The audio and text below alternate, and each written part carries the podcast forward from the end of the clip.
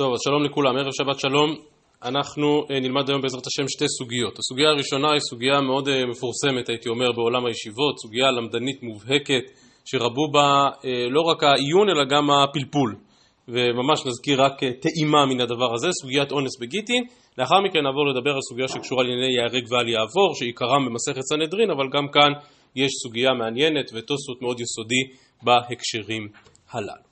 אז אנחנו פתחנו אתמול את אה, מסכת כתובות ודיברנו על אה, המועד הנכון שבו צריך לקבוע את החתונה, מתי היום המתאים באמצע השבוע, ושאלנו מה קורה אם חלפו י"ב חודש, חלפו 12 חודשים מאז שהחליטו להתחתן, ובכל זאת יש איזושהי נבצרות או של החתן או של הכלה, כיצד נוהגים במצב כזה כאשר אחד מהם נאנס ולא יכול לקיים את החתונה. היות שדיברנו על המושג הזה של מי שנאנס בעל כורחו, מעירה הגמרא הערה שמוליכה אותנו לנושא שונה לחלוטין, נושא שכל כולו במסכת גיטין, אני מזכיר את הביטוי שהזכרנו גם אתמול, העניין של ש"ס קטן, ומאוד נרגיש את זה גם הערב, גם בימים הקרובים, ממש כל יום קופצים, לא הערב, גם עכשיו, וגם, אה, אה, וגם בימים הקרובים, כאשר אנחנו ממש כל יום אה, קופצים לאיזושהי מסכת אחרת, וכאמור ראשית דברינו היום בגיטין.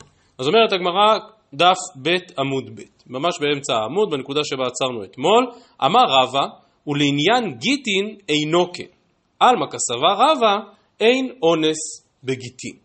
טוב, אז כל העקרונות שדיברנו עליהם עכשיו, שאם הוא לא יכול או היא לא יכולה לקיים את החופה, אז אתה אומר, אונס רחמנא פטרי, זה לא, באח, לא באשמתו, הוא עדיין לא חייב במזונותיה וכולי וכולי. כל זה אולי נכון לעניין קביעת מועד הנישואין, זה לא נכון לעניין גיטין. טוב, מה בגיטין? אדם יכול לכתוב גט באונס? לא, כי הגט צריך להיות כתוב מדעתו ולרצונו. לכל היותר כופין אותו עד שיאמר רוצה אני. אז על איזה אונס בדיוק מדובר בעולם הזה של גיטי? אז התשובה שהאונס שבו עוסקת הגמרא שלנו זה לא אונס בכתיבת הגט, כי גט צריך להיות כתוב מרצונו, אלא מדובר על אונס בהפעלת הגט. מה זאת אומרת הפעלת הגט? הרי ברגע שהוא כתב את הגט ונתן אותו לאישה היא מגורשת. אז הסוגיה שלנו היא בעצם סוגיה שמעבר לכל הדיון הגדול בגיטין, עוסקת גם בענייני תנאים. כלומר, אדם נתן לאישה גט ואמר הרי זה גיתך אם יקרה כך וכך. ועכשיו הדברים שעליהם הוא דיבר לא קרו, אבל הם לא קרו באונס, שלא באשמתו. אז הגט חל או לא חל? התנאי הופעל או לא הופעל? הוא הופעל, אבל באונס.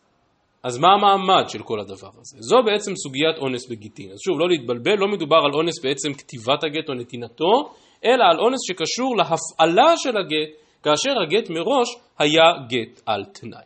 ובכן, במה מדובר? אם כן, הגמרא פותחת, יהיו שתי לישנות בגמרא, לפי הלישנה הראשונה, באמת לדעת רבה אין אונס בגיטין, וכאמור הדבר קשור לענייני התנאים. אומרת הגמרא מנהלי לרבה ה, כלומר מניין לרבה שבאמת אין אונס בגיטין, אומרת הגמרא, אילי מה מהד אתנן, הרי זה גיתך אם לא באתי מכאן ועד 12 חודש, ומת בתוך 12 חודש, אינו גט. טוב, אז הוא אמר שאם הוא לא חוזר תוך שנה, אז האישה מגורשת. אז הגט חל. הוא נפטר באמצע אותה שנה. אז הגט חל או לא חל? טוב, רק בסוגריים, לכאורה למי נפקא מינה, מה אכפת לי אם הגט חל או לא חל? הרי בכל מקרה בעלה נפטר, התשובה כמובן, זה עתה סיימנו? מסכת... לא? גם, אבל יותר מזה, ייבום. כלומר, האם היא צריכה ייבום, או שהיא בעצם הייתה מגורשת עוד לפני כן, ולכן היא לא צריכה ייבום, זו הנפקמינה המיידית. וזה רק אני אומר בסוגריים. אז אם כן, הוא אומר לה, הרי זה גיתך אם לא באתי מכאן, מכאן ועד 12 חודש, הוא מת בתוך 12 חודש, הוא נפטר. אז הוא הגיע בסוף 12 חודש או לא? לא, לא הגיע, וכנראה שגם לא יגיע. אז לכאורה, הגט חל. ובכל זאת אומרת המשנה בפירוש, אינו גט, לא, לא, לא, הגט לא חל. אבל, אומרת הגמרא, מת הוא דאינו גט, כלומר דווקא מדובר על מצב שבו הוא מת. ואז אם הוא מת יש לנו בעיה נוספת, בעיה צדדית, והיא אין גט לאחר מיתה. כלומר הוא אומר שהגט יחול בעוד 12 חודש אם אני לא אבוא, אחרי 12 חודש הוא כבר לא היה בין החיים, ואדם שאינו בין החיים כמובן לא יכול לגרש את אשתו. ולכן מדייקת הגמרא ואומרת, אולי מכאן רבא למד את דבריו, מת הוא דאינו גט. החלה, הרי זה גט. כלומר, הרי זה גיתך אם לא הגעתי עד 12 חודש. מה הוא בעצם מתכוון לומר? אני לא אשאיר אותך לבד. ולכן אם תוך 12 חודש אני לא חוזר מהמסע שלי במדינת הים, את מגורשת. את אה, יכולה ללכת לנפשך. אם הוא מת, אז הוא כמובן לא חזר, אבל, אבל אין גט לאחר מיתה. אם הוא באמת נשתקע במדינת הים, אז זו הייתה כוונתו, נכון? שתהיה מגורשת, כי הוא לא חזר תוך 12 חודש. מה קורה אם הוא חלה? כלומר, הוא מבחינתו משתוקק לחזור חזרה הביתה, אבל, אבל הוא אנוס, הוא לא יכול. הוא מאושפז בבית חולים, הוא נמצא בבידוד. הוא לא יכול לחזור. אז מדייקת הגמרא, דווקא אם הוא מת, אז הגט לא חל. אבל אם הוא חלה, הרי זה גט. מכאן לומד רבא, אין אונס בגיטין. כלומר, הוא אומר, רגע, רגע, לא, לא, אני רוצה לחזור. אני רוצה לחזור בתוך 12 חודש, אני רוצה, אבל אני לא יכול, אני אנוס. ולכן, לכאורה, אונס רחמנה פטרי, מיד נדבר על זה יותר. כלומר, הוא אומר, זה לא באשמתי, אני רציתי לחזור, אבל לא יכולתי. אז הגט חל או לא חל? לא חל, לא, לא, אל תפעילו לי את הגט, כי אני רוצה לחזור, אבל אני לא יכול, אני אנוס. אומר רבא, אין אונס בגיטין. אין אונס בגיטין. אין אונס בגיטין, הכוונה, טענת האונס היא לא טענה לגיטימית, היא לא טענה מתקבלת. אתה מאוד רוצה לחזור, אנחנו מכבדים את זה, אבל בפועל לא חזרת. ואמרת שאם לא תחזור תוך 12 חודש, אז הגט חל. אז הגט חל. בסדר? זה אם כן הדיוק של הגמרא. וזו המשמעות, עכשיו הבנו יותר טוב מה רבא אומר כשהוא אומר אין אונס בגיטין. הוא רצה לחזור, לא יכול היה לחזור, שלא באשמתו, ובכל זאת הגט חל. אם הוא ימות, אז הגט לא חל, כי אין גט לאחר מיתה. אבל כל עוד הוא חי בעולם, אז הגט באמת חל. אני קורא את זה שוב. מנהלי לרבה, אילמה מהדתנן, הרי זה גיתך אם לא באתי מכאן ועד 12 חודש, הוא מת בתוך 12 חודש. אז באמת אינו גט. מדייקת הגמרא ואומרת, מת הוא דאינו גט. כי אין גט לאחר מיתה. האם הוא רק חלה, בכל זאת הרי זה גט, למרות שהוא אנוס ולא יכול לבוא. דוחה הגמרא ואומרת, ודילמה לעולם אי מלאך, חלה נמי אינו גט. מה זאת אומרת? הוא אנוס, אם הוא לא יכול לבוא באונס, אז אה, אונס רחמנא פטרי, אז הגט לא חל. והיא גופא כמשמלן, אז למה, אם ככה, אז למה המשנה אומרת שהוא מת? והיא גופא כמשמלן דאין גט לאחר מיתה. כלומר, המשנה הזאת לא עוסקת בנושא של רב היש או אין אונס בגיטי. המשנה הזו רוצה לחדש שאין גט לאחר מיתה, ולכן אם הוא מת בתוך 12 חודש, אז לא יכול להיות שהגט יחול לאחר 12 חודש, כי הוא כבר לא בין החיים. אומרת הגמרא, אה, זה הנושא של המשנה, אין גט לאחר מיתה, אבל התנא לרישא, את זה כבר למדנו באותה משנה עצמה, הרי זה גיתך אם מתי, או הרי זה גיתך אם מתי מחולי זה, או הרי זה גיתך לאחר מיתה, בכל המצבים הללו לא אמר כלום, כי בכל הלשונות הללו כוונתו שמתי הגט יחול? אחרי שהוא כבר מת, ואי אפשר להכיל גט אחרי שהוא כבר מת. אם הוא כן רוצה לגרש אותה, מה הוא צריך לומר? הרי גיתך מעכשיו ולאחר מיתה. אבל אם הוא אומר לה, הרי גיתך אחרי שאני אמות, בכל איזה או לאחר מיתה וכולי, בכל המצבים האלה לא אמר כלום. ובכן, במקרה שציטטנו מקודם, הרי זה גיתך אם לא באתי מכאן ועד 12 חודש הוא מת, לא יכול להיות שמה שרוצים ללמד כאן זה את ההלכה שאין גט לאחר מיתה. ההלכה שאין גט לאחר מיתה מפורשת לאל שם במשנה. שאם הוא אמר לאחר מיתה, לא אמר כלום. אומרת הגמרא, לא, אבל אולי המשנה שם צריכה לחזור ולומר את זה פעם נוספת, לאפוקי מדרבותינו. דילמה דאפוקי מדרבותינו, דתניא, שכן בברייתא שם נאמר, ורבותינו התירוה להינשא. ואמרינן מן רבותינו, אמר רב יהודה אמר שמואל, בית דינא דשאר ומישחא, כלומר בית דין שהיה נתפס כבית דין יותר מקל, שהתירו שמן של אינם יהודים, מי שזוכר את הסוגיה במסכת עבודה זרה, ו... אותם רבותינו שהתירו על להינשא, סברי לה כרבי יוסי, דאמר זמנו של שטר מוכיח עליו, וגם זו סוגיה גדולה בבבא בתרא, אותם רבותינו סבורים שהיות שנכתב בגט זמן, מהו הזמן שנכתב בגט? הוא נותן לגט בראש חודש תמוז תשפ"ב, ואומר אם לא חזרתי עד ראש חודש תמוז תשפ"ג זה יהיה גט, אבל איזה זמן נכתב בגט? תשפ"ב או תשפ"ג?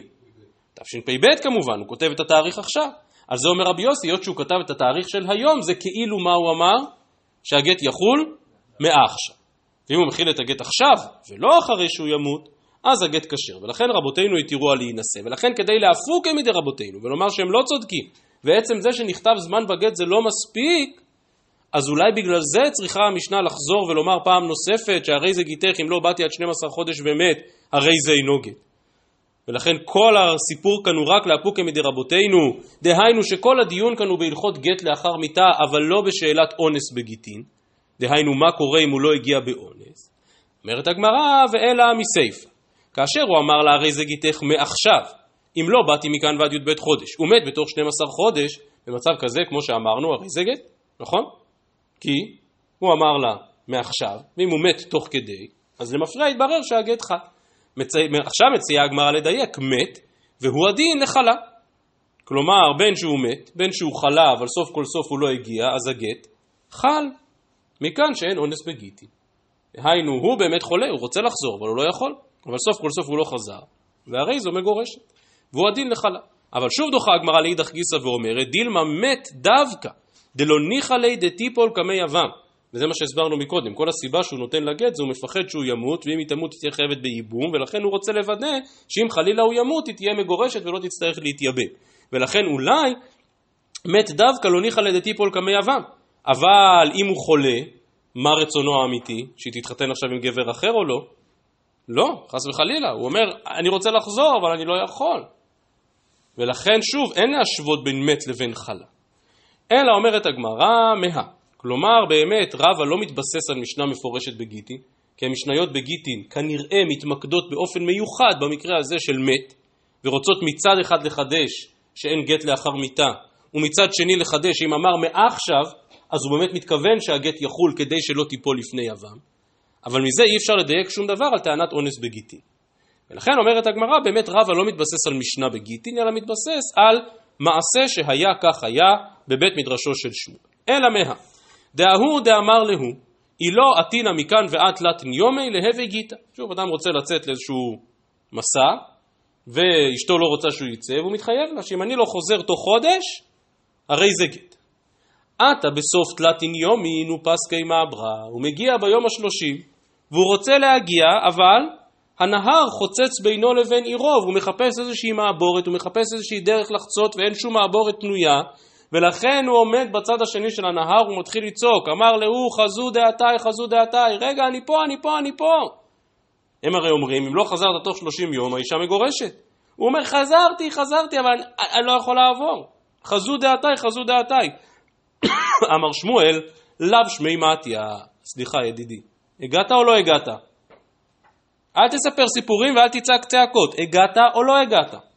לא הגעת. לאו שמי מתיה. זה לא נחשב הגעה. ולכן, האישה מגורשת. עכשיו הוא אומר, מה זאת אומרת, אבל מה הייתה כוונתי? שאם אני לא אחזור, חזרתי, כיוונתי את הימים ככה שאני אגיע בזמן, אבל נתקעתי בתורים בנתב"ג. זה לא היה בשליטתי. אומר שמואל, מה לעשות, אבל לא הגעת, בפועל לא הגעת. מכאן שאין אונס בגיטי. כלומר, אתה אנוס, רצית לחזור ולא הספקת, אבל הטענה שלך לא מתקבלת. אומרת הגמרא, רגע, אבל דילמה אונסא דשכיח שאני. כלומר, זה תירוצים של ילד בית ספר. כאילו, רציתי להגיע בזמן, נתקעתי בפקקים. אין, אין, אין טענה כזאת, נתקעתי בפקקים. כאילו, כולם יודעים שיש פקקים, והיית צריך לצאת חצי שעה קודם. ולכן אומרת הגמרא, דילמה אונסא דשכיח שאני. כלומר, היית צריך לחשוב שהמעבורת שלוקחת אותך בנהר היא לא תוכנית כבקשתך. היא לא מחכה רק לכבודו שיגיע. ולכן היית צריך לחשב את סדרי הזמנים ככה, או במילים אחרות זה לא נחשב אונס. זה שהוא הגיע ולא מצא איזושהי מעבורת או לא מצא אה, אה, גשר לעבור עליו, זו לא טענה. זו לא טענה, היית צריך להיערך לזה מראש. ולכן זה לא אונס, ולכן ברור שהגט חל. כי אתה אמרת, אני לא אחזור עד 30 יום, ולא חזרת. דילמה אונסא דשכיח שנה, דחייבא דאיביילי לאתנויה ולא אתנה, כלומר היית צריך לומר את הדברים בפירוש, יהיו דאפסידא נפשי, זו אשמתך. ולכן הסיפור של שמואל באמת מלמד שאין אונס בגיטין, אבל הוא מלמד דווקא על אונסים שהם שכיחים, שהיית צריך לקחת אותם בחשבון. ואם לא לקחת אותם בחשבון, כנראה שהדבר הזה הוא באשמתך. טוב, אלא, בואו נחזור לרבה, אלא רבה סברה דנפשי כאמר. בעצם כל החידוש הזה של רבה, שאין אונס בגיטין, זה בעצם חידוש שרבה לומד מסברה. לא מהמשניות בגיטין, ולא מהסיפור של שמואל, אלא רבה באמת חושש כאן למציאות מורכבת. מהי המציאות המורכבת? משום צנועות ומשום פרוצות, והגמרא מסבירה.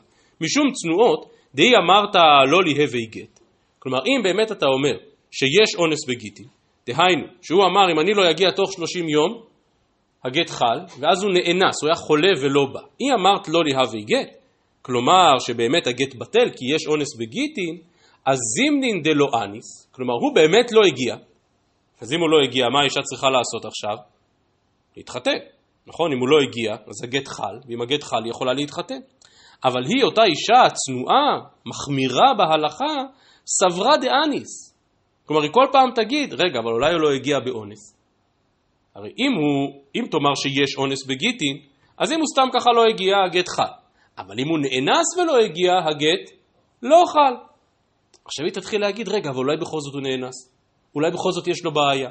הוא מאגנה ויתווה, והיא נשארת עגונה. הרי מה הייתה המטרה של כל הגט הזה? שאם הוא לא יחזור, היא תוכל להתחתן. אבל עכשיו הוא לא חזר באמת, והיא בכל זאת לא מתחתנת. למה? כי היא אומרת, רגע, אבל אולי באונס, אולי באונס. לכן רבא אומר, לא, לא, לא, אין אונס בגיטי. לאידך גיסא ומשום פרוצות. דהי אמרת לא ליהא וגיתא, שוב, אם אתה אומר שיש טענת אונס בגיטין, אז זימנין דאניס, הוא באמת נאנס וכולם יודעים שהוא נמצא בבידוד אי שם במדינת הים ולכן הוא לא חוזר, אבל היא, אותה אישה, אמרה לא אניס. היא אומרת, מה פתאום, הוא לא הגיע אז הוא לא הגיע. ואז לאו מינסה בה, ונמצא גט בטל ובניה ממזרים. כלומר, אם תאמר שיש אונס בגיטין, אז הוא יחזור ברגע שיסתיים הבידוד שלו, ברגע שיסתיים האונס שלו הוא יוכל לחזור, ויגיד, סליחה, מה פתאום היא הלכה להתחתן? הרי הגט שלה בכלל לא, לא חל. כי יש אונס בגיטין. כי אני באמת לא יכולתי לבוא באונס, ולכן הגט לא חל. ונמצא גט בטל ובניה ממזרים. אז הצנועות, גם כשהוא באמת לא אנוס, הצנועות לא התחתנו. וגם כשהוא באמת כן אנוס, אז הפרוצות כן התחתנו. ולכן, בגלל שתי האפשרויות האלה, בא רבא ואומר אין אונס בגיטין. עכשיו שואלת הגמרא את השאלה הגדולה, רגע, רגע, רגע. רבא, אז מה יצא בשורה התחתונה? יש אונס בגיטין או אין אונס בגיטין? לפי מה שהגמרא אמרה עכשיו, יש אונס או אין אונס? יש טענת אונס בגיטין או אין טענת אונס? זה קצת מבלבל, אבל מה יוצא מהשורה התחתונה? לא. שיש. כלומר, טענת אונס רחמן הפטרי היא טענה לגיטימית, רק בא רבא ואומר, אם נתחשב בטענה הזאת, אנחנו מייצרים תקלה גם אצל הצנועות וגם אצל הפרוצות. אבל באופן עקרוני, יש אונס בגיטין. הוא אמר, אם אני לא חוזר עד 30 יום יהיה גט, אם הוא באונס לא חזר, אז הגט לא חל, כי הוא אנוס. אבל רבא אומר, לא, לא, לא, הגט כן חל. אין אונס בגיטין, משום צנועות ומשום פרוצות. אומרת הגמרא, רגע, סליחה, ומאיכא מידי, דמדאורייתא באמת לא הווה גט. למה מדאורייתא לא להווה גט? כי הוא אנוס. ולכן מדאורייתא הגט לא חל. ומשום צנועות ומשום פרוצות שרינא נשתיש לעלמא? עונה הגמרא, אין כל דמקדש הדתא דרבנן מקדש, ואף כאילו רבנן לקידושין מיני. אמר לרבינה לרבה שיתן לך קדיש בחספא, קדיש בביאה מעיקא למימר, שבינו רבנן לבעילתו בעילת זנות. וממש לאחרונה, אם אתם זוכרים, ביבמות בדף ק"י, דיברנו על העניין הזה של הפקיעינו, אז התוספות כאן חוזרים על מה שאומרים בהרבה מקומות, שכל היסוד של הפקיעינו, בגללו, כאשר אדם מקדש אישה, הוא אומר, הרי את מקודשת לי, כדת משה וישראל, כדי שאם ירצו אחר כך חכמים לבוא ולהפקיע, אז כאילו מראש כל הקידושין הם כדת משה וישראל, ורש"י כאן, אתם רואים שרש"י פה מעריך הרבה בעניין של אה, קדיש בחספא, רש"י כאן, כמו בסוגיה ביבמות, כמו בהרבה מקומות אחרים, דוחה את אותה דעה שהייתה פופולרית בבית מדרשו, שאומרת שקידושי כסף תקפים רק מדי רבנן, שזה מה שכתוב פה בגמרא, שבעצם אפשר להפקיע קידושי כסף כי הם רק מדי רבנן, אבל איך תפקיע קידושי ביאה, ורש"י כאמור וגם תוספות דוחים את הדעה הזאת ואומרים לא, ודאי שגם קידושי כסף מדאורייתא, השי נקנית בשלוש דרכים, כסף, שטר וביאה. מה שהגמרא אומרת כאן זה שקידושי כסף אפשר להפקיע מכוח הפקר בית דין הפקר. כלומר, שנייה, שנייה אחת, באים בית דין ואומרים, המעות כאילו הפקר, ולכן הקידושין לא חל. והחידוש הוא שחכמים יכולים להפקיע לא רק קידושי כסף, אלא גם קידושי ביאה. הנושא של הפקיעין הוא נושא מאוד מאוד גדול ורחב, כשהדגשנו אז את אותה סוגיה ביבמות דף ק"י, כי היא סוגיה מאוד מחודשת, שבה חכמים ממש פועלים להדיא כנגד עבריין, כנגד אדם שפעל שלא כהלכה, והזכרנו את זה אז, מי שזוכר, יש שם תוספות חשוב, לא נאריך עכשיו בכל העניין של הפקיעינו. אני רוצה לחזור עוד פעם לנושא שלנו. מה שכתוב כאן, זה שבעצם, כמו שבכל התורה כולה אונס רחמנא פטרי, כלומר, הוא רצה לחזור, אבל הוא לא יכול היה, ולכן זו לא אשמתו, ולכן הגט לא חל מדאורייתא. הגט לא חל. כי הוא אמר, אם אני לא אחזור, הגט יחול, אבל הוא רצה לחזור, הוא רק היה אנוס, זה לא באשמתו. אף על פי כן באים חכמים ואומרים, הפקעינו רבנן לקידושין מיני, אנחנו מפקיעים ממך את הקידושין הללו, כדי שלא תיווצר התקלה של הצנועות והפרוצות. כן, רמי. האישה הזאת, בעצם אם מפעילים מפקיעינו, אז היא נחשבת פנויה, כלומר שכאילו מעולם לא הייתה מקודשת, אם כי אפשר לפלפל בזה. כלומר, יש מקום לומר שכל מה שחכמים אמרו זה למרות שהגט אמור לא לחול, בעצם הגט כן חל, ואז מעמדה יהיה כגרושה. אבל באופן פשוט מעמדה יהיה כפנויה, אם אכן נפעיל פה הפקעים במצב כזה. טוב, אז אם כן, זו מסקנת הגמרא, שיש אונס בגיטין, מדאורייתא, אבל באו חכמים והפקעינו לקידוש של מיני כדי שלא ייווצרו תקלות. לשמחתנו באמת באה עכשיו הגמרא ואומרת, איכא דאמרי, אמר רבא וכן לעניין גיטין. כלומר, בניגוד לכל מה שאמרנו עכשיו, שטענת אונס אולי רלוונטית לעניין הגיע הזמן ולא נישאו, אבל לא רלוונטית בגיטין, כאן בא רבא ואומר אותו דבר לגבי גיטין, עלמא כסבה רבא, יש אונס בגיטין. כלומר שטענת אונס, כמו בכל התורה כולה, רלוונטית גם בגיטין. טוב, אז עכשיו הגמרא חוזרת על כל מה שכבר אמרנו, מי טבעי, הרי זה גיטך אם לא באתי מכאן ועד 12 חודש, הוא מת בתוך 12 חודש, אינו גט. מת הוא דאינו גט, אין גט לאחר מיתה. האם הוא חלה, באמת הרי זה גט, ואם ככה קשה על רבא שאומר שיש אונס בגיטין, לעולם אימה לה חלה נמי אינו גט, כי באמת הוא טוען טענת אונס, הוא לא יכול לבוא. והוא גופה כמשמע לן דאין גט לאחר מיתה. אין גט לאחר מיתה התנא לרישא, דמלה אפוק מדרבותינו, כמו שכבר הסברנו. תשמע, מעכשיו אם לא באתי מכאן ועד 12 חודש, הוא מת בתוך 12 חודש, הרי זה גט. מה אלה אהבו הדין לחלה? דהיינו שאם הוא חלה בתוך 12 חודש, אז הגט באמת יחול אבל הרי רבא אומר שיש אונס בגיטין לפי הלשנה הזאת, לא אומרת הגמרא, מת דווקא דלא ניחא ליה דטיפול קמי יבא. תשמע מעודה אמר להוא, אילו עתינא מכאן ועד שלושים יום ליהווה גיתא. עתה בסוף תלתין יום מפסקי מברא, ואמר לו חזו דעתי חזו דעתי, ואמר שמואל לא שמי מתיה, מרין אתה רואה שאין אונס בגיטין, עונה הגמרא כמו שראינו מקודם, אונסא דשכיח שאני, דכיוון דיבאי לאתנוי ולא אתני, אי הוא הוא דאפסיד הנפשי. ולכן שוב, גם לפי הלישנה הזאת, ברור שכאשר מדובר על אונס שכיח, על דבר שהוא צריך היה לקחת בחשבון, והוא לא לקח בחשבון, זו אשמתו. כמו שאמרתי מקודם, אל תבוא באיחור ותגיד נתקעתי בפקקים. אתה יודע שיש פקקים, תצא שעה קודם. ולכן לא, זה לא ממש טענת אונס, זה מה ששמואל התכוון לומר שם. במצב שהוא באמת נאנס במשהו שלא היה בשליטתו, שהוא פתאום נכנס לבידוד ולא יכול היה לבוא, במצב כזה, לפי הלישנה השנייה, באמת יש אונס בגיטין. התוספות כאן לפנינו בדף ג' עמוד א', מביאים את דעת רבנו חננאל שהלכה כלישנה בתרא, כהלכה כלישנה קמא, סליחה, דהיינו שבאמת אין אונס בגיטין, אבל בסוף התוספות הם מחלקים ברוח מה שהגמרא אומרת כאן, בין רמות שונות של אונס. כלומר, יש אונס שהוא אונס שוודאי היית צריך לקחת בחשבון, נתקעתי בפקקים זו לא טענה, היית צריך לקחת את זה בחשבון. יש בקצה השני כל מיני דברים שבאמת אי אפשר היה לחשוב עליהם, באמת אי אפשר היה לדמיין אותם, ואז רוצים תוספות לומר שבמצב כזה לכולי עלמא באמת יש אונס בגיטי, כלומר שאומר אני אנוס, לא יכולתי לקחת את זה בחשבון, וכל ההבדל בין שתי הלישנות של רבא זה על איזושהי רמת ביניים. עכשיו, מה שעולה בעצם מן התוספות הזה זה שהכל איזשהו ניסיון לנתח את דעתו, לנתח את כוונתו. וגם תקנת צנועות ופרוצות שרבא מדבר עליה בלישנא קמא, בעצם אף אחת לא תטען איזושהי טענה לגמרי הזויה, לגמרי רחוקה. כי בדברים כאלה, באמת, אותם אנחנו לא לוקחים בחשבון. אז כאמור, הניסיון של התוספות לחלק בין רמות שונות של אונס, בעצם מבסס את הכל על דעתו ועל דעתה. בסדר. אז זה כן הניתוח של התוספות למסקנת הסוגיה, וכאמור יש לנו שתי לישנות. כאשר לפי הלישנה השנייה יש אונס בגיטין, אבל אני מדגיש שגם לפי הלישנה קמא, בעצם מדאורייתא יש אונס בגיטין. אלא שאפקיעינו רבנן לקידושין מיני. וכאן בעצם מתחיל אותו דיון מאוד מאוד נרחב שהזכרתי מקודם, סוגיה למדנית, מורכבת ומפולפלת, שכולם משתעשעים בה הרבה. אה, וזה בעצם, איך אפשר לטעון דבר כזה? איך אפשר לטעון דבר כזה שיש אונס בגיטין? אז רש"י כאן כותב, תראו את רש"י בתחילת דף ג', דמדאורייתא לא הווה גיתא, שמצינו טענת אונס מן התורה, שנאמר ולנערה לא תעשה דבר. מה זאת אומרת? ודאי שיש אונס בגיטין. כמו שבכל התורה כולה אדם שנאנס בעל כורחו ועשה משהו שלא רצה בו, אז אתה אומר ולנערה לא תעשה דבר.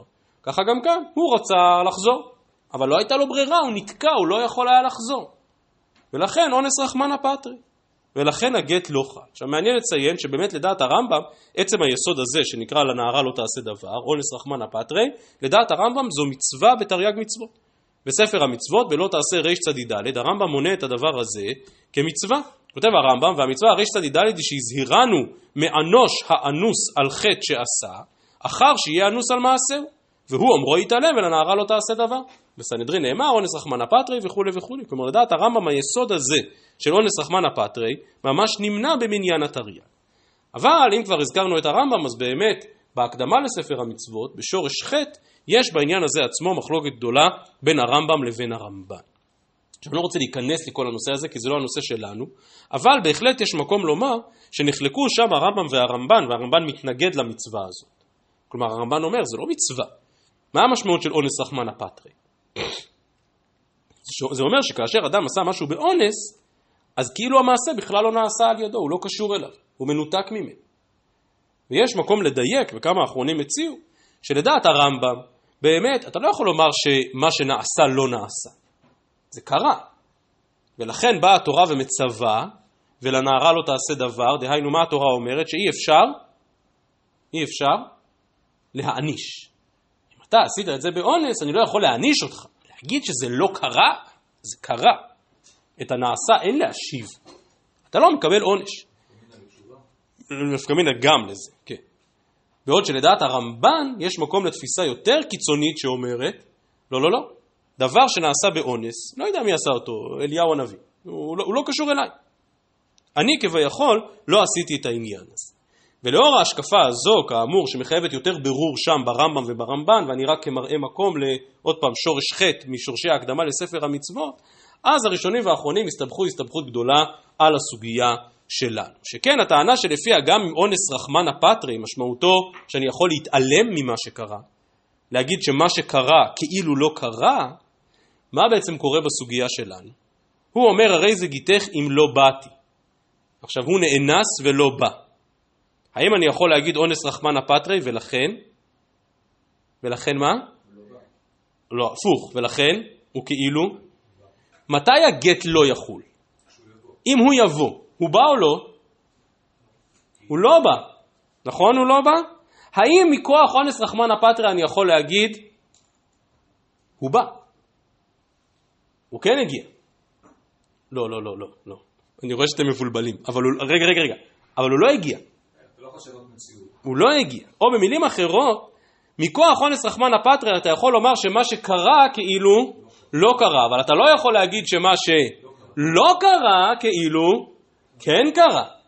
לא, זה כבר יותר רדיקלי, להגיד שאונס רחמנא פטרי ולכן הוא הגיע?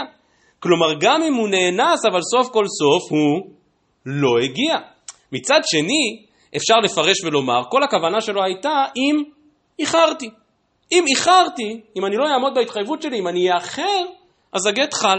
ועכשיו אפשר להגיד, אונס רחמנא פטרי, מי שאיחר באונס, אז, אז הוא כאילו לא איחר. הוא לא איחר. כמו באבן הנערה לא תעשה דבר. ומכאן, כאמור, יש ממש פלפולים ושעשועים מאוד נחמדים, האם כוונתו הייתה לומר אם איחרתי, או שהוא אומר לא הגעתי, או שאפשר להגיד אני לא לא הגעתי. נכון? אני אמרתי שהגט יחול אם לא הגעתי, אבל אני לא לא הגעתי. אני גם לא כן הגעתי, אבל אני לא לא הגעתי. הבנתם? יש הבדל בין כן הגעתי לבין לא לא הגעתי. טוב, רק כדי לחוש קצת את האווירה, אני אקריא שורה אחת מחידושי רב ברוך בר, רבי ירקס שמואל, כאן על הסוגיה שלנו. כל האחרונים התחילו את מסכת כתובות מעניין אונס בגיטין, תראו ברב שמעון כאן, סימנים ארוכים על כל זה, אני רק אקריא שורה אחת טיפה לחוש. כותב רב ברוך בר, דהתורה לא אמרה, אלא שאונס יש בכוחו לשבור מעשה שנעשה, שלא ייחשב למעשה, אבל שהאונס יחדש ויעשה מעשה שלא היה, כגון דבהקיום צריכין אם לא אבוא, זה לא אמרינה. דאין בכוחו דהאונס לעשות תרתי עניינים, לשבור מעשה הביטול ולעשות מעשה קיום. טוב, נחמד, בסדר? הבנתם את האווירה, הבנתם את הדיון, אבל זה מה שעומד כאן בעצם ביסוד כל הסוגיה העצומה הזאת, סוגיה שנקראת אונס בגיטין. מי שרוצה במילים יותר פשוטות, אז ממש ראיתי ראיתי הבוקר באתר של הישיבה שיש סדרת שיעורים בעיון של הרב יאיר כהן על מסכת כתובות ויש שם שיעור על אונס בגיטין, אפשר לעיין שם וקצת יותר להבין ולהעמיק יותר. ראיתי שהרב יאיר שם רוצה להציע, ונדמה לי שראיתי את זה בעבר גם בעוד מקומות, שבעצם כל מה שקורה בסוגיה שלנו זה כן סוג של עונש. כלומר, מה הוא אומר? הוא אומר, אם אני לא אבוא בזמן, תענישו אותי. כאילו במרכאות תיקחו ממני את אשתי, היא תהיה מגורשת. ואז הוא בא ואומר, אבל אם נאנסתי ולא הגעתי, אז לא מגיע לי עונש. לא מגיע לי הסנקציה הזאת. כלומר, הפעלת הגט היא סוג של עונש כלפיו, ואז הוא אומר, רגע, אבל הנערה לא תעשה דבר, אם אני לא הגעתי באונס, אז לא מגיע לי העונש הזה. טוב, כמו שאמרתי, מעניין, קצת מורכב, ניסוחים אה, אה, דקים ועדינים, ומי שרוצה אז ציינו את המקורות, היכן אפשר יהיה להרחיב יותר. בואו ננסה בכל זאת לסיים את הדף שלנו, כי בעצם היום דף ג' ולא דף ב'. אנחנו עוברים לנושא אחר. כאמור, כל העניין של קביעת מועד הנישואין, דווקא ליום רביעי, היה כדי שאם חלילה יש בעיה וצריך לפנות לבית דין, אז אפשר יהיה תכף ומיד ביום חמישי לפנות לבית הדין. ועל זה אומרת הגמרא, דף ג' עמוד א', לקראת סוף העמוד, אמר רב שמואל בר יצחק, לא שנו אלא מתקנת עזרא ואילך, שאין בתי דינים קבועים, אלא בשני וחמישי. אז כבר שאלנו אתמול, אז למה לא התחתן ביום ראשון, ואמרנו שאין מספיק זמן להתארגן לחתונה, אבל ההנחה היא שזה חייב להיות או ראשון או רביעי, כדי שאפשר יהיה לגשת לבית הדין בשני וחמישי. על זה בא רב שמואל ואומר, רב שמואל בר יצחק ואומר, לא שנו בתקנת עזרא ואילך, שאין בתי דינים קבועים אלא בשני וחמישי, אבל קודם תקנת עזרא, שבתי דינים קבועים בכל יום, אז באמת אישה נישאת בכל יום. תמהה הגמרא ואומרת, קודם תקנת עזרא, מהי דאבה? כלומר, מהי נפקא מינה, מה היה פעם? הרי אחרי תקנת עזרא רק שני וחמישי. עונה הגמרא, אחי כאמר, אי איכא בתי דינים דקבועין העידנא כקודם תקנת עזרא, אישה נישאת בכל יום. כלומר, שאם באמת יש מקום שיש בית דין כל יום, לא רק בשני וחמישי, ממילא אפשר להתחתן בכל יום. אומרת הגמרא, רגע, והבא אינן שקדו. אבל כלומר צריך את העניין הזה של מספיק זמן להיערך לסוג... לסעודה מספיק חגיגית וחשובה, עונה הגמרא דטריח לי. האמת היא שהנושא הזה של שקדו, אפשר להתמודד איתו. אנחנו סומכים על הבעל שגם אם החתונה לא תהיה ביום רביעי, אלא ביום שלישי או ביום חמישי, או ב... ימצא מספיק זמן להתארגן ולהיערך מבעוד מועד אל החתונה. שתי הערות רק על הקטע הקצר הזה מדברי התוספות כאן. ראשית, התוספות באמת קצת מהים ואומרים, לא הבנתי, עזרא בא לסגור בתי דינים? כלומר, קודם תקנת עזרא היה כל יום, ועזרא תיקן שלא יהיה כל יום. התוספות אומרים שוודאי זה לא יכול להיות. ברור שתקנת עזרא הייתה תקנת מינימום. עזרא אמר שחייבים בכל מקום לפחות יומיים בשבוע. וזו בעצם המשמעות של מה שכתוב כאן, ככה התוספות מסבירים שעזרא, זה שקודם תקנת עזרא, עזרא לא בא לצמצם. הפוך, קודם תקנת עזרא היו מקומות שבהם היה בית דין בכל יום, אבל היו מקומות שבהם לא היה בית דין בכלל. וכל המפעל של עזרא היה שיהיה איזשהו רף מינימום שבכל מקום יהיו בתי דינים לפחות בשני וחמישי. התוספות האחרון כאן בדף ג' עמוד א' מדבר על המנהג למייסה, אה, שבפועל נוהגים להתחתן גם בזמנים שאין בהם בית דין, אה, והתוספות באמת אומרים שהמנהג להינשא בכל ימות השבוע, התוספות קצת מסתייגים דווקא מחתונה ביום שישי, כי אז ודאי שאין באף מקום בית דין בשבת. מצד שני התוספות מעידים, וכך כנראה היה המנהג במשך הרבה הרבה שנים, מי שמעיין בפוסקים רואים שזה היה המנהג המאוד רווח, שהפוך, כל החתונות היו קורות דווקא בימי שישי, למה?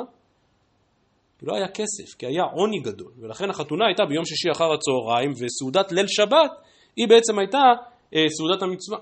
היא בעצם הייתה סעודת החתונה, אה, אבל כאמור, אה, הפוסקים כבר פוסקים לא, לא התוספות, אבל כבר ב, ב, לפני מאות שנים, אנחנו רגילים לפני יהושע, לחידושים ולפלפולים על הסוגיה, אבל בכתובות יש קונטרס אחרון של פני יהושע, וזה סימנים יותר הלכתיים. אז בסימן א', בפני יהושע, בקונטרס האחרון כאן על כתובות, הפני יהושע באמת שואל, אז למה, למה לא חששו למה שכתוב, ב...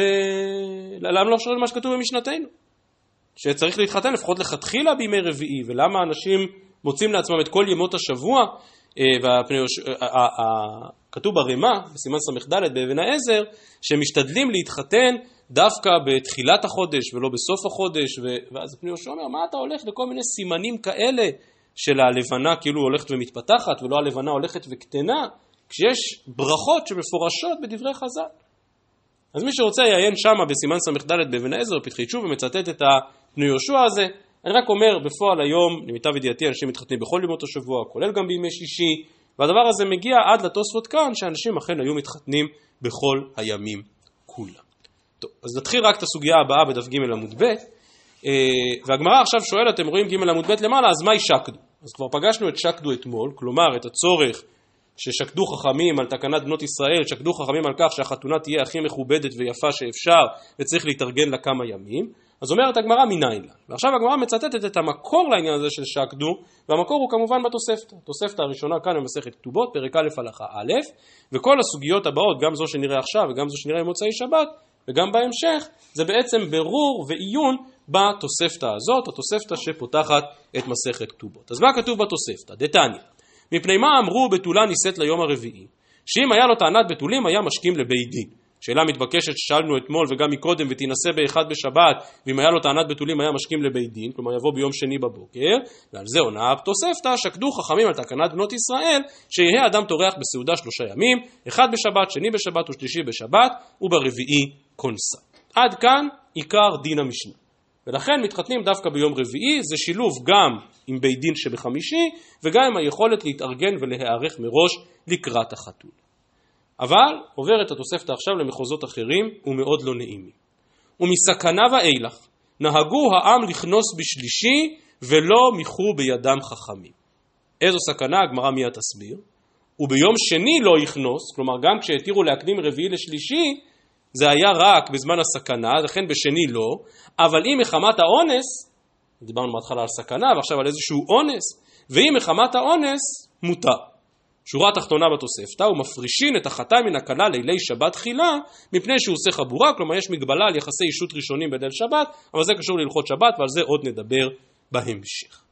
הנושא, כמו שאמרתי, אנחנו נדון עכשיו רק בנושא הראשון שבתוספתא, והוא, אז מהי סכנה? מה, מה, מה בדיוק קרה שם? שצריך היה להעביר את החתונה מימי רביעי, שזאת תקנת חז"ל, לימי שלישי. אז אמרתי אתמול כמה מילים על ההבדל הגדול בין המציאות שבה אנחנו חיים לבין המציאות שבה חיו אבות אבותינו, ועכשיו אנחנו פוגשים את אותו עניין מזווית אחרת לגמרי. מה עבר על עם ישראל בשנות גלותו? מהי סכנה, אומרת הגמרא, אילי דאמרי בתולה הנישאת ליום הרביעי תהרג, אז נהגו לגמרי נעקרי. כלומר, תמיד ניסו לעקור את דת היהודית, וכנראה הייתה איזושהי גזירת שמד שאומרת, כל מי שמתחתן ביום רביעי, אנחנו הורגים אותו. טוב, אומרת הגמרא, אם זה המצב, אז ברור שמה היינו עושים? מתחתנים ביום שלישי. ולא איזה ניסוח עמום בתוספתא שאומר שנהגו העם לכנות, מה פתאום? יש, יש גזרות שאנחנו מוסרים עליהם את הנפש. כשאמרו לחלל שבת, כשאמרו לא למול את הילדים, אז מסרו את הנפש. אבל אם אומרים לא להתחתן בימי רביעי, אז נתחתן בימי שלישי. לגמרי נהיה אקרי. אמר רבא, הגזרה הייתה הרבה יותר קשה, כואבת וחמורה. דאמרי, בתולה הנישאת ביום הרביעי, תיבעל להגמון תחילה. מישהו זה נשמע לו מוכר הסיפור הזה? זוכר אותו מאיפשהו? כנראה, אתם כן זוכרים, אה, את דבריו של רש"י בסוגיה של חנוכה במסכת שבת. כשרש"י אומר, ש... כשהגמרא במסכת שבת אומרת שאף נשים חייבות בהדלקת נר חנוכה שאף הן היו באותו הנס, אז רש"י שמה, לשיטתו בעוד מקומות אומר, מה זאת אומרת אף הן היו באותו הנס? שהיה להם חלק בישועה. איזה חלק היה להם בישועה? אז זה הסיפור על יהודית, שהייתה גזרה שכל הנישא תיבאה להגמון תחילה, גזרה שאגב הייתה קיימת גם במקומות אחרים ובתרבויות אחרות. זה דבר, כמו שאמרתי, בלתי נתפס, אין, אין מילים לתאר כמה זה נורא ואיום. התפיסה הזאת שיש איזשהו שליט, ובעצם כל הנשים שייכות אליו. ואף אחת לא תתחתן עם מי שרוצה לפני שהיא תעבור קודם אצלו. זה, זה בלתי נתפס. בלתי נתפס. ורש"י שמה אומר שהיא יצאה כנגד הגזרה ואמרו לה שהיא חייבת להיבהל להגמון תחילה ואז קרתה את ראשו וכולי. בסדר? אז זה רש"י שם אה, במסכת שבת בדף כ"ג. אני רואה שאתם מסתכלים עליי כלא זוכרים, אז אני אקריא לכם שורה אחת. שאפן היו באותו הנס, אומר רש"י, שבת דף כ"ג עמוד א', שגזרו יוונים על כל בתולות הנישאות להיבעל לתפסר תחילה, ועל ידי אישה נעשה הנס. כן, אז רש"י שם לא אומר יהודית ולא אומר וכולי, אבל ברור שזה הסיפור שאנחנו מכירים, שהיא מסרה את נפשה ואמרה לא יהיה כדבר הזה, ולא תהיה כפגיעה הזאת בבנות ישראל. ולכן, אומרת הגמרא, ברגע שההגמון הבין שהיום שכדאי לו לבוא זה ימי רביעי, כי כל החתונות קורות בימי רביעי, אז נהגו להקדים יום אחד ליום שלישי. אומרת הגמרא, רגע, אבל היי סכנה, אונס. אה, סליחה, סליחה, דילגתי שורה. אה, אומרת הגמרא, אמר רבא דאמרי בתולה נישאת ביום הרביעי תיבאה להגמון תחילה. אומרת הגמרא, היי סכנה, אונס הוא. כלומר, אבל איזה סכנה יש כאן? הרי נניח שיבוא אותו הגמון, ויחטוף את אותה אישה מתחת ידי בעלה, את אותה כלה מתחת ידי החתן הצעירה, וסוף כל סוף זה אונס. זה אונס, הרי דיברנו לפני רגע, אבל נערה לא תעשה דבר, מה היא יכולה לעשות? אותה כלה מסכנה. עונה הגמרא, משום דאיכא צנועות, דמסרא נפשיו לקטלה ואת לנידי סכנה. יהיו אותה נשים צדקניות, כמו רש"י בשבת בדף כ"ג, שלא יסכימו למציאות כזאת. שיגידו, אם הוא עכשיו לוקח אותי, אותו הגמון רשע וארור, אז אני מוכנה לקיים ייהרג ואל יעבור. ואז יבואו לידי סכנה. אומרת הגמרא, מה זאת אומרת? אבל נסביר להם. ולידרוש להו דאונס שרי. נסביר להם שלא צריך, אין בו ייהרג ואל יעבור. ולנערה לא תעשה דבר. עונה הגמרא, איכא פרוצות ואיכא נמי כהנות. אם תבוא ותגיד שזה כאילו לא אסור, אז תמיד יש כאלה שיפרשו את דבריך כמו שהם רוצים לפרש. אם תבוא ותגיד אין איסור גילוי עריות, אז אה אין גילוי עריות, מצוין, אז עכשיו מותר לעשות גילוי עריות. כאילו יבואו ויפרשו את דבריך ויוציאו אותם מהקשרם, זה הפרוצות, ומצד שני ייכנע מכהונות, כהנות, שהיא באמת, גם אם היא נבעלת באונס, סוף כל סוף היא נאסרת על בעלה הכהן. אומרת הגמרא, אם ככה, אז וליעקרי. אז תעקור לגמרי את כל החתונה ברביעי, למה אתה מקדים לשלישי? תגיד שאין יום קבוע, וממילא ההגמון לא ידע, לא ידע מתי הוא צריך לבוא, ו, וככה לא תהיה בעיה. אומרת הגמרא, וזה גם כן משפט מאוד חשוב, שוב על עם ישראל בשנות גלותו, גזרה אבידא דבטלה ותקנת דרבנן מקמי גזרה לא אקרינה. כלומר, אנחנו יותר חזקים מהם. נקרא השבת, אין עם כלביא יקום וכארי יתנשא, עם הנצח לא מפחד מדרך ארוכה. הגזרות שלהם תמיד היו גזרות ותמיד היו כל מיני דברים נוראים ואיומים כאלה של תבעל להגמון תחילה, אנחנו לא רוצים לגמרי לבטל את התקנה. עדיף לנו לעשות שינוי קטן בתקנה ולא לעקור אותה לגמרי, כי אנחנו סומכים על זה שהגזרה בסופו של דבר תתבטא. אומרת הגמרא, נו, אבל מה אתה חושב, שההגמון הוא טיפש? אי אחי בשלישי נמי עתי ובייל. אז אם עברנו לימי שלישי, יבוא לימי שלישי. עונה הגמרא, מספיקה לא עקר נפשי. כלומר, אם הוא יודע בוודאות שכולם מתחתנות ברביעי, אז הוא תמיד מגיע ברביעי. אם הוא מבין שלפעמים ככה, לפעמים ככה, אז מספק הוא כבר בכלל לא מגיע. אומרת הגמרא, או בשני לא יכנוס, ואם מחמת האונס מותר. אומרת הגמרא, על איזה אונס מדובר כאן? אילי מהא דאמרן, שבאמת היא באה לגמון תחילה, אז הטעם, כלומר בהתחלה אתה קורא לזה סכנה, ואחר כך אלה אונס. ותו הטעם אתה אומר שרק נהגו להקדים לשלישי, אבל איך אתה אומר שאם יש אונס אז מותר ביום שני. אמר רבא, וגם זו פורענות של גלות, דאמרי שר צבא בא לעיר. לא, כאן דבר פחות דרמטי, זה לא תיבעל להגמון תחילה, אבל שמגיע שר צבא לעיר, ואומרים שהוא יגיע ביום רביעי, וברור שאם הוא יגיע ביום רביעי, אז, אז כל האוכל מכל חברות הקייטרינג ומכל האולמות ילך כדי להזין את אותו שר צבא. ולכן לא נוכל לעשות חתונה ברביעי. אז אומרת הגמרא, היחידה מאי דעתי וחליף, כלומר אם הוא מגיע ליום יומיים וילך, אז לעכב, אז הדבר הנכון מה הוא לעשות? לדחות את החתונה. לא צריכה דעתי וקבע. לא, הוא מגיע ועכשיו הוא יהיה כאן איזה חודש. אומרת הגמרא, נו, אז בשלישי מי הליכנוס, אז תקדים יום אחד. עונה הגמרא, אספר ודידי בשלישי קעתו. כלומר, הנציגים שמקדימים את הגעתו, בסדר, ראיתם את המטוסים של ביידן שהגיעו כבר? בסדר, כאילו כל מערך האבטחה של השירות החשאי מגיע זמן משמעותי לפני ששר הצבא בעצמו מגיע. ולכן שוב אי אפשר להקדים לשלישי כי ברגע שהם יגיעו ייקחו את כל האוכל ולא יישאר שום דבר. אז אם כן, כמו שאמרתי, מדובר כאן על שני סוגים של, קראתי לזה פורענות גלות, אחת שמגיע שר צבא ולוקח את כל האוכל, והשנייה, הרבה יותר חמורה והרבה יותר כואבת, שכל הנישאת תיבעל להגמון תחילה, ובין שתי התקנות הללו אנחנו מנסים לעשות כל מה שאפשר כדי שיהיה איזושהי אפשרות לא לעקור לגמרי את תקנת החכמים. אז התוספות כאן שואלים, כשהגמרא אומרת, טוב, נו, אז נדחה את החתונה בכמה ימים, אז כמה ימים באמת אפשר לדחות חתונה במקום שיש בו אילוץ? אז התוספות כאן מבינים, אה, לפחות מרש"י, שעד שבוע זה לגיטימי. כלומר, אם שר הצבא בא לכמה ימים, אז בואו נדחה את החתונה ליום רביעי בשבוע הבא. כלומר, דחייה של שבוע היא דחייה לגיטימית. תוספות מתלבטים בזה, האם באמת דחייה של שבוע היא דחייה לגיטימית, ואם אתה אומר שדחייה של שבוע היא לגיטימית, אז תגיד, נדחה בחודש, או בחודשיים. בימי הקורונה היו הרבה שאלות כאלה. האם אפשר, האם עדיף לעשות את החתונה עכשיו, או בואו נדחה אותה בשבוע, בחודש, בחודשיים, נראה איך ייפול דבר. אז התלבטות מעניינת של התוספות לגבי העניין הזה של הדחייה.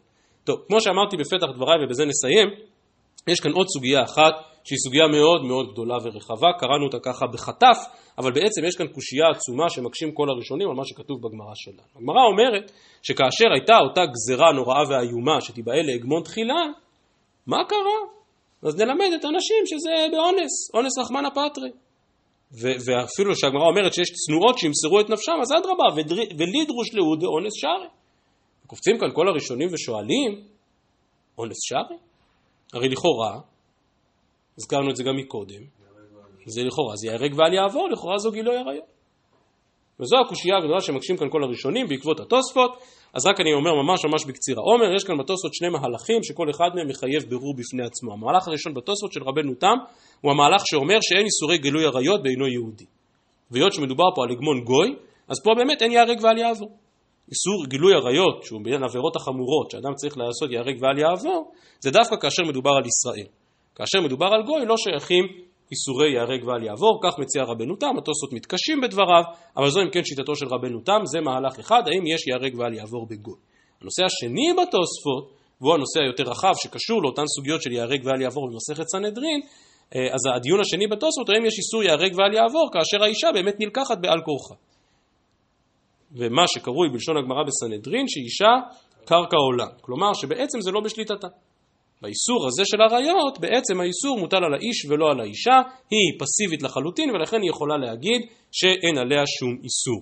הדיון הגדול כאן, גם כאן בסוגיה וגם בראשונים שם בסנהדרין, זה האם השיקול הזה של קרקע עולם נוהג דווקא כשהגוי פועל להנאת עצמו? האם השיקול הזה קיים גם בשעת השמד?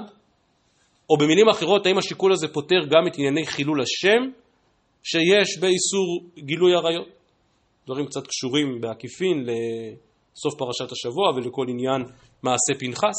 טוב, אז הסוגיה הזו היא באמת סוגיה מאוד מאוד נרחבת. בדרך כלל כשלומדים כתובות נכנסים בעובי הקורה בנושא הזה, למרות שהסוגיה מקורה בסנהדרין, אבל גם כאן, שוב, אני ממש ממש רק כמראה מקום, מי שרוצה יעיין ממש בתוספות פה לפנינו בג' עמוד ב', ותוך כדי המקורות הרבים שמצודדים כאן בתוספות, נמצא גם את הסוגיות המקבילות ואת כל הדיונים הגדולים בשתי ההלכות המאוד מאוד חמורות ורגישות הללו של ייהרג ואל יעבור בגילוי עריות. שוב אני מזכיר, א', העניין של האם איסור גילוי עריות וייהרג ואל יעבור קיים גם בגוי, וב', מה בין האיש לבין האישה בכל העניין הזה של, אה, של גילוי עריות, והאם המושג של קרקע עולם פותר רק את הבעיה המצומצמת, או שהוא יכול לפתור גם חילול השם ושעת השמד וכן הלאה וכן הלאה. כל הדברים הללו מחייבים דיון בפני עצמם. אז עד כאן להיום, שלכולם שבת שלום ומבורך.